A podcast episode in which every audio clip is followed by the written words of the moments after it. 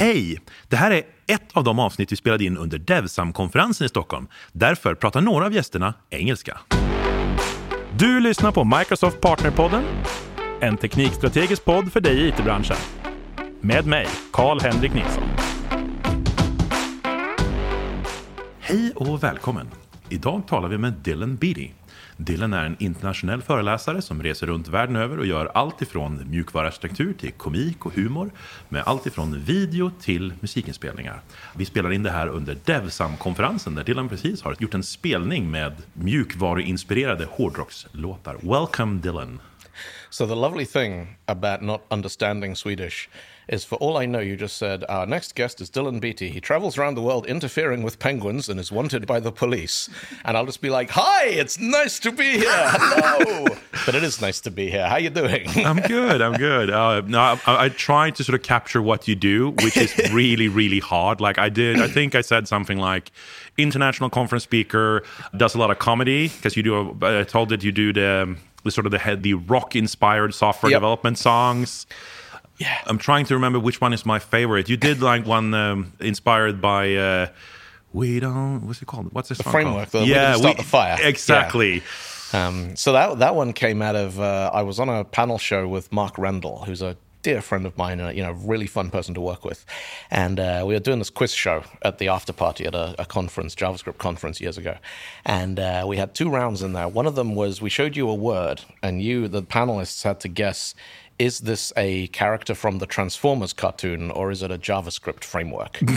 um, and it's hard, you know, because it's just all these stupid names for things no one's ever heard of. And then we also, there was a Twitter bot around at the time that would take, uh, it would do like a, a, a text analysis of trending headlines on Google News. And then it would find and it would write new, new lyrics to We Didn't Start the Fire. And so every couple of hours, it'll do a random tweet, which is like another two lines from that song based on the news that's actually happening. And uh, so we put this up, and the contestants had to like tell from a tweet, is this a bot or a real person? So that was the game. And then Mark said to me afterwards, Do you think there's enough JavaScript frameworks that you could write We Didn't Start the Fire just with frameworks? And, you know, like, don't say things like that in front of me because you know what's going to happen. And uh, yeah, it turns out I went on the Wikipedia page and I pulled down and. Uh, and I had to pull in like a couple of other things to make the lyrics fit and everything. And uh, there's a certain kind of person on YouTube who they go through that and they say, actually, JDBC is not a framework; it is a date. And I'm like, it's a song. Relax. it's does it doesn't have to be correct. It just needs to be funny. Um, but yeah, that that's one of the many things that I do. Oh, lovely. but I, I also think that's the the upside and downside of doing things online. You do get feedback, but you do get really weird feedback. Yeah.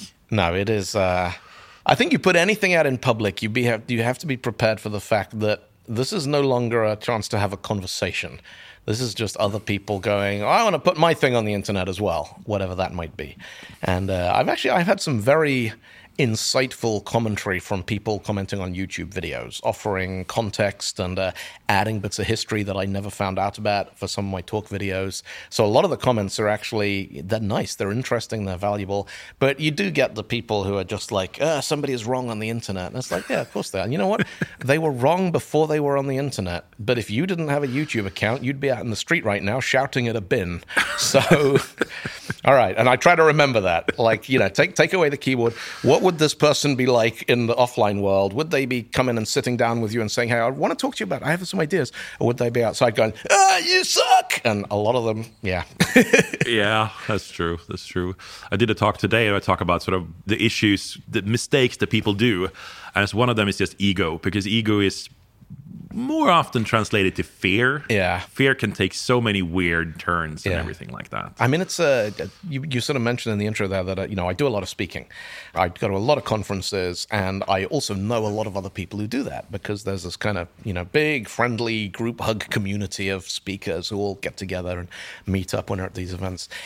And uh, you know that is not something that people. There is an element of ego involved in wanting to do it in the first place because most people do not want to stand up in front of 500 total strangers and talk for an hour. There is a sort of, you know, that's a, that's a, a maybe slightly exhibitionist, ego, whatever. And, you know, there are some people who do it because they enjoy the attention. There are some people who do it because they genuinely want to get their message out about the projects they're working on or their, you know, open source or open rights or electronic freedom or any of these kinds of things. But it is a very like watching the way people balance that kind of the desire for attention and validation without becoming egomaniacs is an interesting thing to watch. Uh, it's true. Yeah. And but to be fair, also either you're a nice person or you're not gonna you're not gonna have the energy to do this. Yeah. As long as well, both you and I have been doing this. Yeah. Either you're friendly and you find friends and you, and you have an enjoyable time like traveling around doing things, or it's just gonna mess up. Yeah. I saw one. uh, It's been a while since I met you now, but I remember I saw you talking about something that a lot of, of Microsoft partners are very interested in, which is event-based architectures, which I know you do host a workshop around. So event based has become a very, very kind of widely used term that a lot of people, I think, understand to mean different things. So what I uh, the the workshop that I teach at the moment, which is, I do a whole bunch of different teaching and workshops, but the one that I tend to run at, at conferences like this one or like NDC where I was last week. It's an introduction to distributed systems, which covers basically we have some code over here and we have some code over there. Or we have some code we want to run now and then we have some code we want to run later. And so we go through all of the different reasons why these problems exist. And, you know, we've got the, so the classic one is, well, we want the website needs to respond in 300 milliseconds. The email can go out within two or three minutes. If we're busy, that's fine. That's an acceptable kind of degradation there. And stock control and reconciliation can wait until midnight when nobody's doing anything. And so we talk through, you know, these are legitimate patterns. And then how do we do that? And so that gets on to talking about using, you know, message queuing and, uh, you know, availability, publish, subscribe, those kinds of patterns. Yeah. And, and I also cover, you know, the, one of the big uh, justifications. The start of the workshop, I say the golden rule of distributed computing is don't do it until you have to, because I have, you know, I've been guilty of this, and I'm sure many developers have. Of you, you see something cool like CQRS, and uh, you think, oh, and somehow you think that'll solve all my problems. Like, oh yeah, we need to do that because often, you know, when you work on a, system in a team that is uh, growing, because the product you've built is successful, you find that you uh, you get more people, you get more complexity, and it's easy to lose sight of solving the problems you have now because you're trying to solve the problems you're going to have next year. And so you think, oh, well, at the moment, this is difficult because we've got to a point, you know, we've gone from a two person to a five person to a 10 person team with a monolithic code base. It's really hard coordinating work. We probably want microservices. And the thing is, then at 10 people, you probably shouldn't be doing microservices because you're not big enough yet. But you think, well, if we build microservices, then next year when we're 20 people, but of course, what you end up with is 10 people supporting an architecture that maybe doesn't actually solve the problem they have. But also, also when when it comes to microservices, everybody's talking about microservices, Hmm.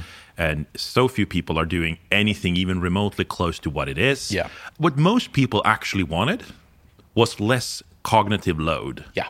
Like this code base is so large, I cannot understand it. Mm-hmm. I want to split it up into smaller pieces. It's like a fear reaction Yeah. or a knee jerk reaction. Well, I don't think, I mean, you know, fear is something I talk about in one of my sessions about the extent to which you, uh, I think a lot of us have been through a thing, you suddenly become responsible for some code you don't understand because you've inherited a project or somebody has left the team or there's been a restructuring, maybe an acquisition, and suddenly there are a quarter of a million lines of .NET or Java or Ruby, and you're like, well, my job now is to make sure this doesn't break. And I know that this is a real platform that real people are using, and they are relying on it to solve Yeah. problems and you know sell tickets, And it's make money, making the money that do. pays my salary. Yeah. And that is a that is a really kind of frightening situation to be in of this is now my responsibility, but I don't understand. There's no manual. And I think I can probably figure it out. But I don't like that. I don't enjoy that sense of at, anything could blow up at any moment and I'm suddenly there's a library I've never seen before that is flaking out on a production server I didn't know we had and I have to fix it. And I can understand very easily because I've been there how that situation can make people fearful. Yeah. And so, you know, and then you've got to look at, well, what are the reactions to that fear? What do we do when we're afraid? Well, one is we become uh, reluctant to try anything. Because you don't want to make it worse and you don't want to get blamed for it. Two is you become very resistant to change. You start pushing back. Three is you get resentful. You know, the whole thing, oh, the person who wrote this code is a. Blah, blah, blah, and it's like, well, no, they were probably doing the best job they could at the time with the resources they had available. It's just they're not here right now. And all they've left yeah. for you to look at is the code they managed to ship before they moved on. Yeah. You, so. Yeah. yeah. And, but also, like, the fact. So I've come into some Microsoft engineering projects where they are following like the instructions to the letter and it's like oh there's architectural decision records here in this repo i can go and read every single decision that ever yeah. was made for this project wow i mean that just makes it so much easier oh it's not bad code there were actually like yeah. 96 different reasons why we they chose to use this thing so one of the so I'm independent now. I'm freelance and I, I run a couple of small platforms and do some consulting and stuff.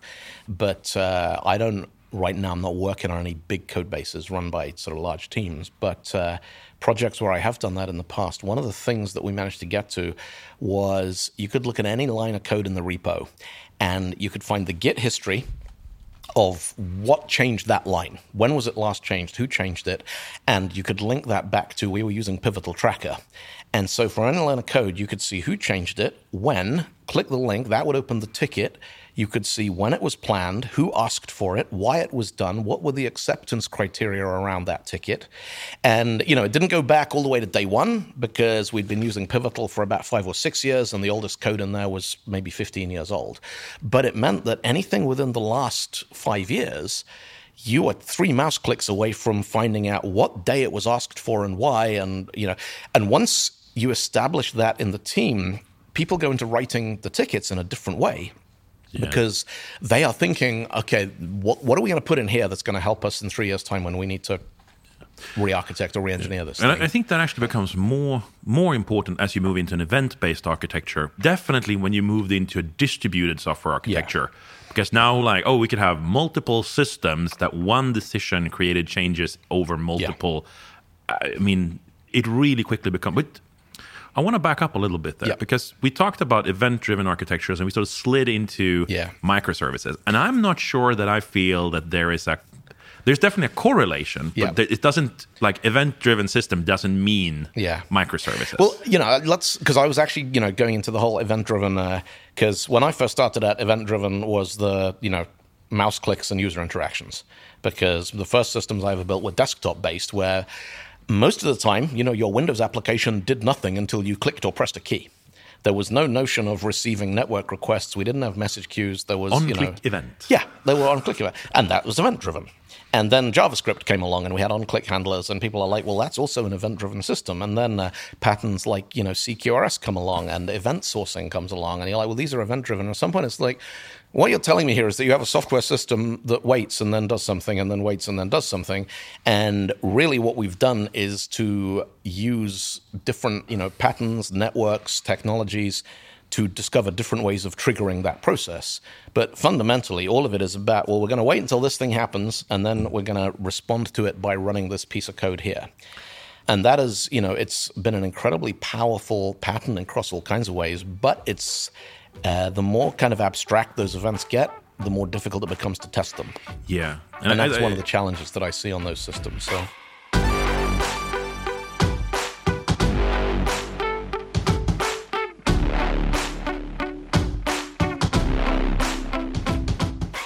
And I also think like one of the challenges I see there when you're combining this event-driven thing with the distributed systems, mm-hmm. suddenly somebody's starting to do um, remote procedure calls over like event queues, yeah. and it it just goes downhill yeah. really quickly from there. And you know, you look at so uh, gRPC is something that I've I've spent a lot of time playing around with, and uh, implemented on a couple of things and I teach it as part of this workshop.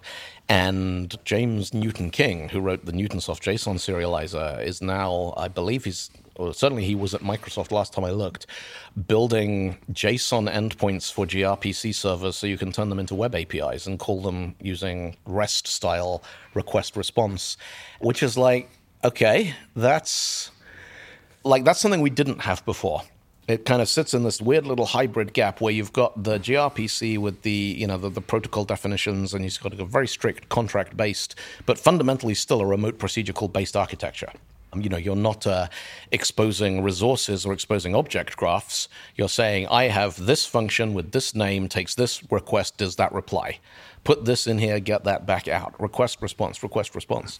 And so it, it takes away a lot of the, because I spent a lot of years working with REST style architectures. You know, get, yeah. put, post. Hey, let's argue about what post means. Hey, let's argue about what put means. Let's argue about patch for four days. Yeah. Um, and kind of every layer absorbs some of the stuff from the one before and adds some new stuff on top of it. And we end up with these, these very, uh, kind of I don't know what the word is, just unusual uh, chimeric. Yep. It's like someone put this thing and that thing and made something that's interesting, and now I'm, I'm waiting for the compelling applications of these things. Yeah, but I also I, think that is sort of like because people don't choose software patterns for the correct reasons. Like you had a REST API. Yeah. A REST API, there's nothing wrong with a REST API. It solves a perfectly good problem. Yes. No problem at all. Yes. And then you have like uh, GraphQL. Yep. Which is actually solving a different problem. Yep. You don't have to replace your REST API for a GraphQL. Yes. And then you have gRPC, yep. which solves a different problem. You yep. don't have to replace a, um, you know, but this is the thing. Like they are sort of, I feel that they built to solve another problem. Yeah. And unless you're having all these problems, it should be fairly easy to select. But a lot of people are sort of trying but to. But I also, you know, what I think happens is that every kind of iteration, every generation that solves similar problems again, what we get is we get a fresh design, we get a fresh set of patterns, but also we get a bunch of more evolved tooling around it. And so, you know, the gRPC or the protocol buffers definition, the idea of having a strongly typed binary contract, kind of, we tried that with SOAP and Disco and it sort of worked, but it was really heavyweight and really brittle. And so the kind of, you know, you want it to be agile and move fast, people just went with JSON because if the JSON was the wrong shape, it was easy to fix, and yeah. you didn't have to publish a new contract. You just changed your code, and so that kind of led the charge in terms of getting the, you know, Microsoft was selling web services in 2002, and it established this idea that the future is going to be about client applications that communicate with servers. That nobody called it the cloud. You know, it was all data centers. So they established this idea, but along with that came, and you are going to do it using XML, and you are going to use SOAP, and you are going to use Disco, and you are going to use WSDL endpoints and a lot of that stuff, you know, the big enterprises kind of bought into it. Oh but, yeah, I built a lot of WCF yeah. applications. Yeah. And that all kind of fell by the wayside, but the, the precedent was established. And I think what I see happening now is people who've worked with protocol buffers are like, we like the protocol definition and we like the the low latency and the small payloads and the minimal network traffic and the strong typing. And then they have to go back to something which can speak browser. They have to go back to something which and they're like, well, we don't want to give up those things just because we've had to switch back to this technological constraint on the solution we're solving. And my hunch is that's what, you know, James and the Microsoft gang are working on is how can we take all the best stuff about gRPC and make that available to people who are constrained because they still have to support browsers or down level uh, APIs and things. Yeah. But, you know, I, I see this kind of uh, thing all the time. You, uh, I remember running hybrid projects between .NET and Classic ASP, and uh, .NET had its frustrations. There's lots of things that in Classic ASP we knew how to do them, and in .NET nobody quite figured them out yet. But then you switch back to Classic ASP, and like, oh yeah, I don't have the debugger working here. And you know, the more different platforms and tools, technologies you work with, you find something to love about all of them. And then when you step away from it, those are the things that you miss and the things you try and carry with you. So that's actually a good point. Like, there's always something to love about it. Yeah. What's there to love about event-driven systems? Uh, sorry, event-driven distributed systems. Let's let's actually define that so we don't get into like uh, VB.net so, and OnClick. I mean, fundamentally, distributed systems they make certain things possible which would otherwise be impossible. And this is one of the things that I try to emphasize to the students in my workshops is uh, so absolute classic scenario that I've seen play out many times is your company buys my company and your company is .NET and my company is Java. And my product does something that your company now wants to integrate because you want to sell my tool to your customers. So you now have this problem. You've got a Java code base, you've got a .NET code base, and the developers have been told you need to integrate these things. And those kind of patterns, like, well, there's some people say, well, we just need to rewrite the whole thing. Like, we'll rewrite all the Java into .NET. And you're like, I know you think that you can do that with a regular expression, but you can't. That's not how this works. And, you know, I've seen systems where kind of the, the website ends up bouncing you from one stack to another, and there's a cookie or something in the address bar that does this, and shared database backend patterns where you've got two different systems now, and they've kind of merged the database tables together. And something like uh, gRPC, for example, gives you a way of doing that where you define the contracts for the points where the two systems actually have to interact. And then you get strong typing on both ends of that. And you get the request response pattern. Message queuing, you know, that kind of thing gives you another way of doing it. You can publish events in one system and have subscribers that consume them from the other system. And uh, that gives you another kind of cleaner way of doing it. And, uh, you know, particularly with uh, message based systems, you know, event publishing and RabbitMQ, I like the visibility you get about what the traffic is doing. Yeah, because that's a good way of saying is this is this doing what we thought it was going to do, and uh, particularly RabbitMQ gives you really even if you're not wired in anything special, you just go look at that dashboard. You're like, oh, there's 27 things in our error queue this morning, and it's supposed to be zero. What are they? What went wrong in the night? Um, you know. Yeah, and also when you start sort of throw up open telemetry and that sort of stuff yeah. on top of that, you can really start seeing, you know, oh, yeah. why is this taking so long time, and, and yeah. all that sort of stuff. I mean, something that I've said many times in many different sessions is uh, we still very much study software by looking at the code and then running it. And when we look at it, it's not running. And when we run it, we can't see it, which is like, you know, trying to study anatomy on dead animals, you know. It's like imagine if uh, you know the only way you could ever study horses was if they gave you you've never seen a horse running, you never got a chance to see a horse out in a field or you know moving or uh, like you know the old museums where they have butterflies in a glass case, yeah, and they're like pinned up on the wall. And imagine you'd never seen a butterfly. And so you saw this thing and you're like, okay, well, it's colorful, I guess. But then you see them actually out and they fly around and they flap around like this. And, and I think we, the way that we look at code, we tend to be like, right, okay, let me open it up. I'm going to try and read through the code. I'm going to use tools to do static analysis of it. And what I would love to see, and we're getting there, you know, open telemetry is a big step in the right direction with this, is what does the code look like when it's running? You know, I would love to get to a point where you can dive into a code base and it shows you, well, your web traffic right now, you see that line there, the one that's literally flashing red? That's a high traffic throughput. Like yeah. 90% of your web traffic is executing that line of code. You can see it yeah. and you can click through and, like, these are the requests that are hitting it. And, uh, you know, we're not there yet, but we're getting there. Yeah. Maybe. I love that analogy. Yeah. And we're, going to have to sort of jump off this. Now we've been talking, it's been lovely talking to you. But I love this analogy with, you know, what would happen if you sort of have to study an animal you had no idea how it looks and we're yeah. in stockholm today so in the royal castle yeah so there was a, they shot a lion and they sent it back to the king i don't remember when it's like 18 no 1700 i think and he gave it to one of his um, the people that stuff animals and they'd never seen a lion in their life. so I'm just going to show them a picture. This is the result. so the legend Leo, it's called. It's it's here legend, in this legend Stockholm Leo. Castle. We have uh, the museum near my house in London. There's a, exactly the same thing. They sent back a walrus from a, an expedition to the South Pole and gave it to a taxidermist who'd never seen a walrus. And you know, walrus in the wild is very wrinkly. Like there's a lot of blubber. Never seen it, so they stuffed it like a balloon. And uh, there's the Horniman Walrus, Mr. Tusky, we call him. And uh, he's in the middle of the museum and he just looks like a giant space hopper. He's lovely. and like the Horniman Walrus is kind of the, the emblem of the neighborhood now. So, uh, so yeah, I wonder how much of our code out there is like the Swedish lion or the Horniman Walrus. The people who put it back together had no idea what it was supposed to look like. Frightfully much, I'm, I'm, I'm, afraid. Well, thank you, Dylan. It's been lovely thank you. talking to you. It's been a pleasure. Have a great conference for the rest of the day. Thank you. Take it easy. See you soon. Du har lyssnat på Microsoft Partnerpodden med mig, Karl-Henrik Nilsson. Som vanligt hittar du information och resurser på aka.ms partnerpodden.